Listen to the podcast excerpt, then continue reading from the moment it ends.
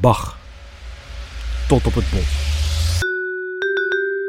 In het jaar 2015 verscheen mijn roman Goldberg.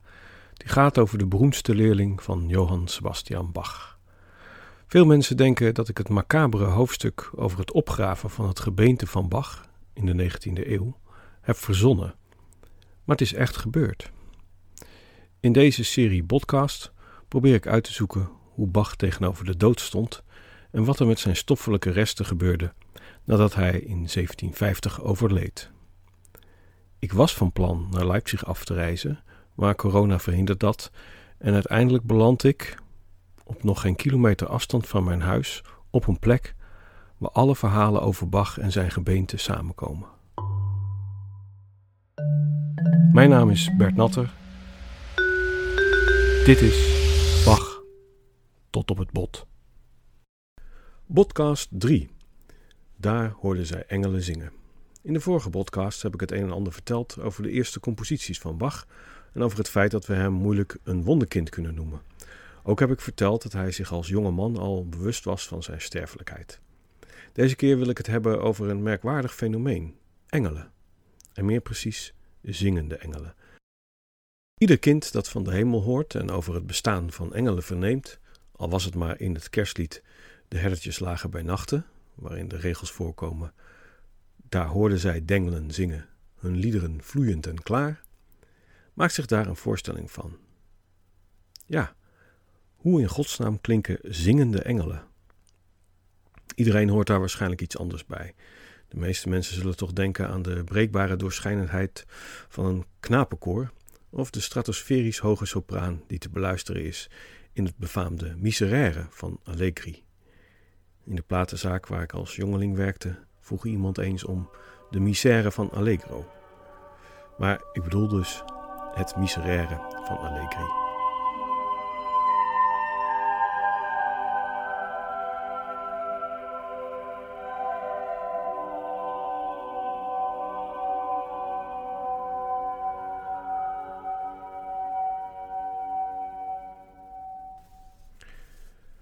Er bestaat een prachtig verhaal over dit stuk van Allegri. Namelijk dat het sinds de eerste opvoering geheim was, in die zin dat het sinds 1638 op pauselijk bevel nergens anders mocht worden uitgevoerd dan in de Sixtijnse kapel.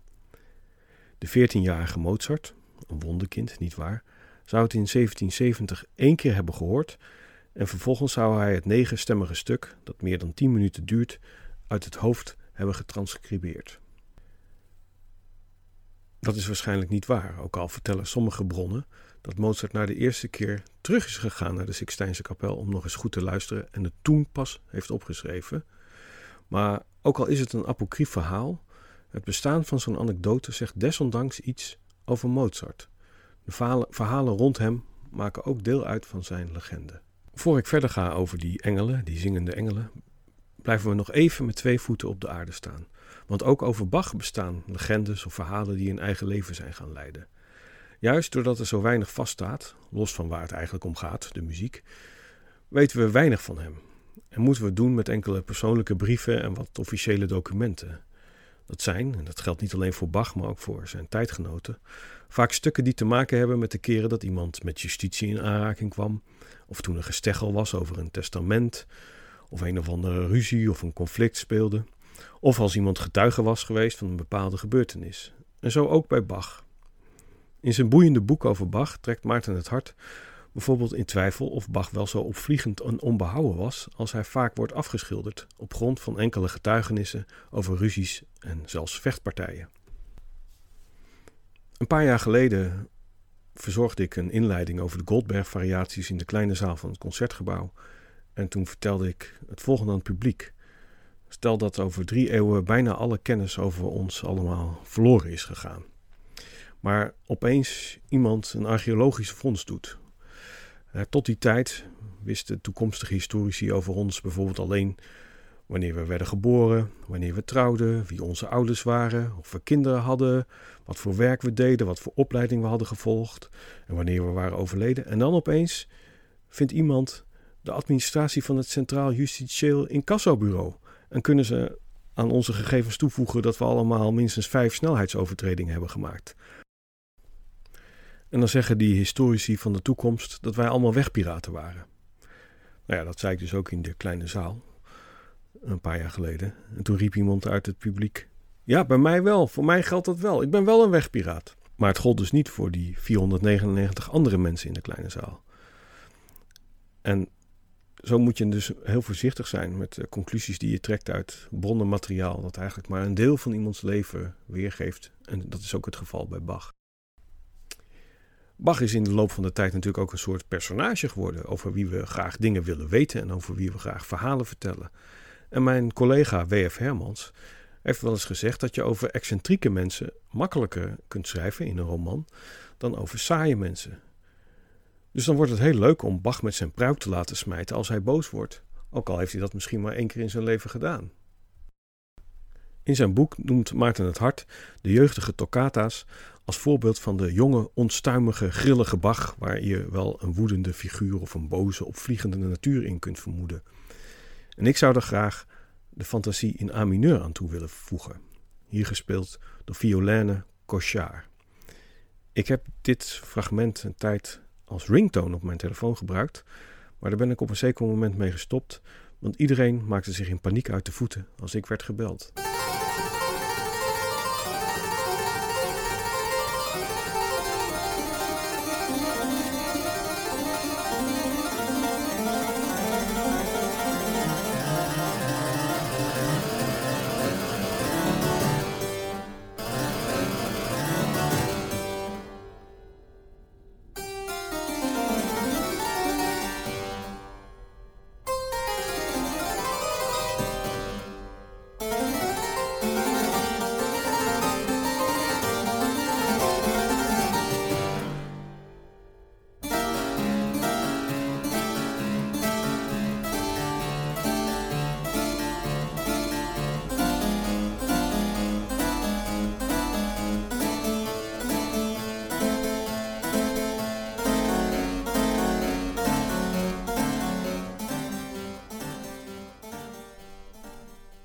Ik geloof niet dat Bach woestere muziek heeft geschreven dan dit onstuimige begin van deze fantasie.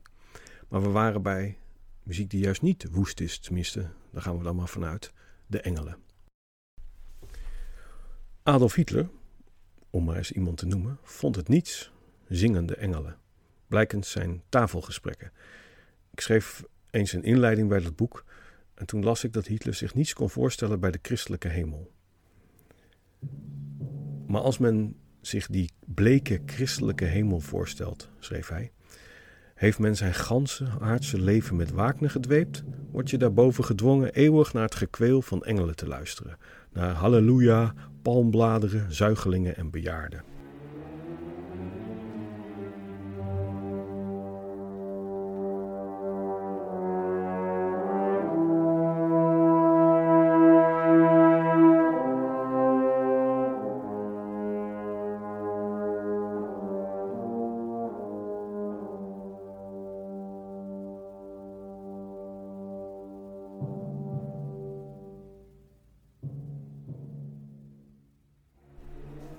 Nou ja, het is eigenlijk natuurlijk niet verstandig om Hitler tegemoet te komen. Maar ik heb nou toch maar even een stukje uit de Trouwermars, uit de laatste acte van Götterdämmerung van Wagner laten horen.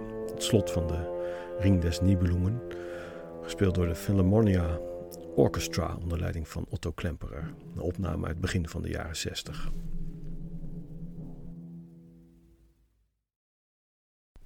Hoe dan ook kan iedereen, zelfs mensen zoals Hitler die in de hel belanden, zich een voorstelling maken van het gezang van engelen, of je het nou mooi vindt of niet. Maar hier op aarde kunnen we alleen maar eigenlijk nadenken over en fantaseren over hoe dat engelengezang uh, zal klinken in de hemel. Want om het te kunnen horen moet je eerst sterven en begraven worden. Bach en zijn tijdgenoten hadden behoorlijk plastische ideeën over wat er van een lichaam overbleef als de ziel er eenmaal uit vertrokken was. In Bachs bibliotheek bevonden zich allerlei theologische geschriften, waaronder een enkele boeken van de 17e-eeuwse theoloog August Pfeiffer. In 1722 schreef Bach een rijtje titels van Pfeiffer op het titelblad van het klavierbüchlein voor zijn tweede vrouw Anna Magdalena Bach. Zoals ik al in een eerdere podcast heb verteld, was Bachs eerste vrouw Maria Barbara in 1720 overleden. Een van de titels van de boeken die Bach opschreef, verscheen kort voor hij werd geboren in Leipzig onder de titel Anti-Melancholicus. Daarin vinden we een afschrikwekkende passage over de todeskamp van de mens, de doodstrijd. De schrijver zegt dat een ziel na de dood niets meer aan zijn lichaam heeft. Die is namelijk als een organist die, hoe goed hij zijn kunst ook beheerst, niets kan beginnen zonder orgel. Ik denk, collega Harry Moody schreef het al: de wijn is drinkbaar dankzij het glas. Daarom nu maar eens de prelude in B klein van Bach, gespeeld door Francis Jacob op het Silberman-orgel in de Friedenskirche de Ponitz.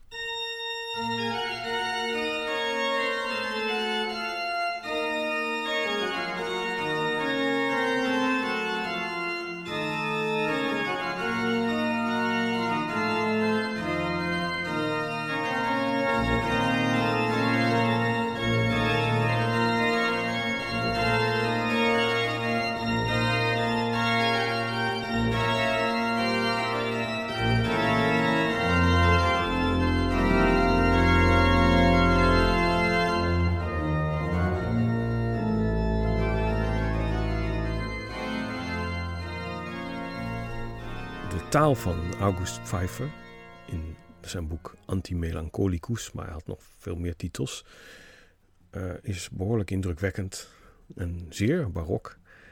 En ik zal een klein stukje voorlezen dat ik op mijn eigen eenvoudige wijze heb vertaald. Ik huiver ook als ik erover nadenk hoe mijn ledematen, die ik bij leven zo goed verzorgd en gekleed en gekoesterd heb, in de aarde moeten verdwijnen en verrotten en stinkend lijkenaas moeten worden, drek en vuil en wellicht door duizenden wormen of maden verteerd moeten worden. Dat vermalendijde lichaam van Pfeiffer zou natuurlijk te zijner tijd, op de dag des oordeels, weer opgelapt worden. Zoals ook te horen is in de geweldige basaria met solotrompet tegen het einde van de Messiah van Hendel die in hetzelfde jaar werd geboren als Bach en wiens werk Bach hoog achtte. De tekst is een pericoop uit het eerste boek van Corinthiërs. The trumpet shall sound, and the dead shall be raised incorruptible, and we shall be changed.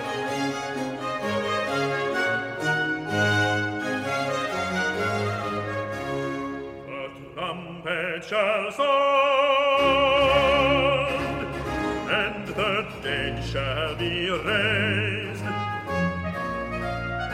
and the shall be raised incorruptible.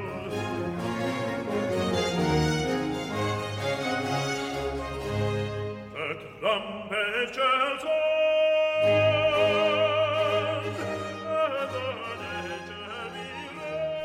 Ik vind het altijd geestig dat je bij Hendel soms kan horen dat hij van geboorte een Duitser was. En uh, soms ook de klemtoon nog op zijn Duits legt. Bijvoorbeeld in dat Engelse woord incorruptible. Uh, waar uh, de bas toch duidelijk zingt. Incorruptible. Op de dag des oordeels zullen onze stoffelijke resten dus worden opgewekt. En zullen we met een onveranderlijk lichaam de eeuwigheid betreden. Dan zal het vergankelijke worden bekleed met het onvergankelijke. Zoals het verderop in Corinthiërs staat. Ik wil niemand van streek maken. Maar het lijkt me nog altijd makkelijker gezegd dan gedaan. Een veranderlijk lichaam veranderen in een onveranderlijk lichaam.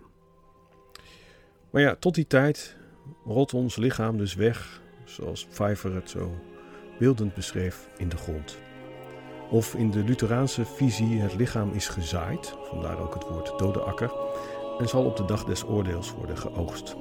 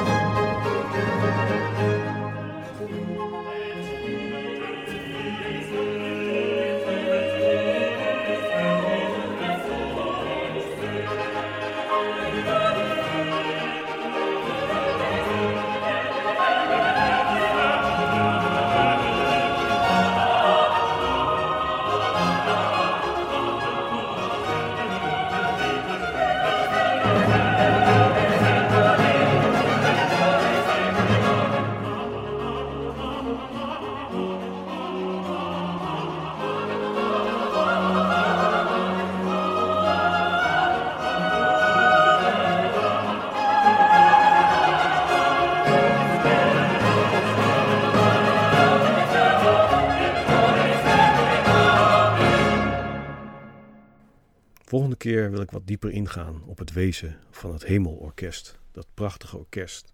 Het beste orkest ter wereld dat niemand, geen levende ziel, ooit heeft horen spelen.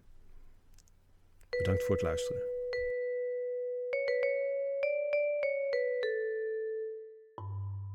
Bach. Tot op het bot. Deze podcast is tot stand gekomen dankzij een ontwikkelbeurs van het Nederlands Letterenfonds en Preludium, muziekmagazine van het Concertgebouw en het Concertgebouw Orkest.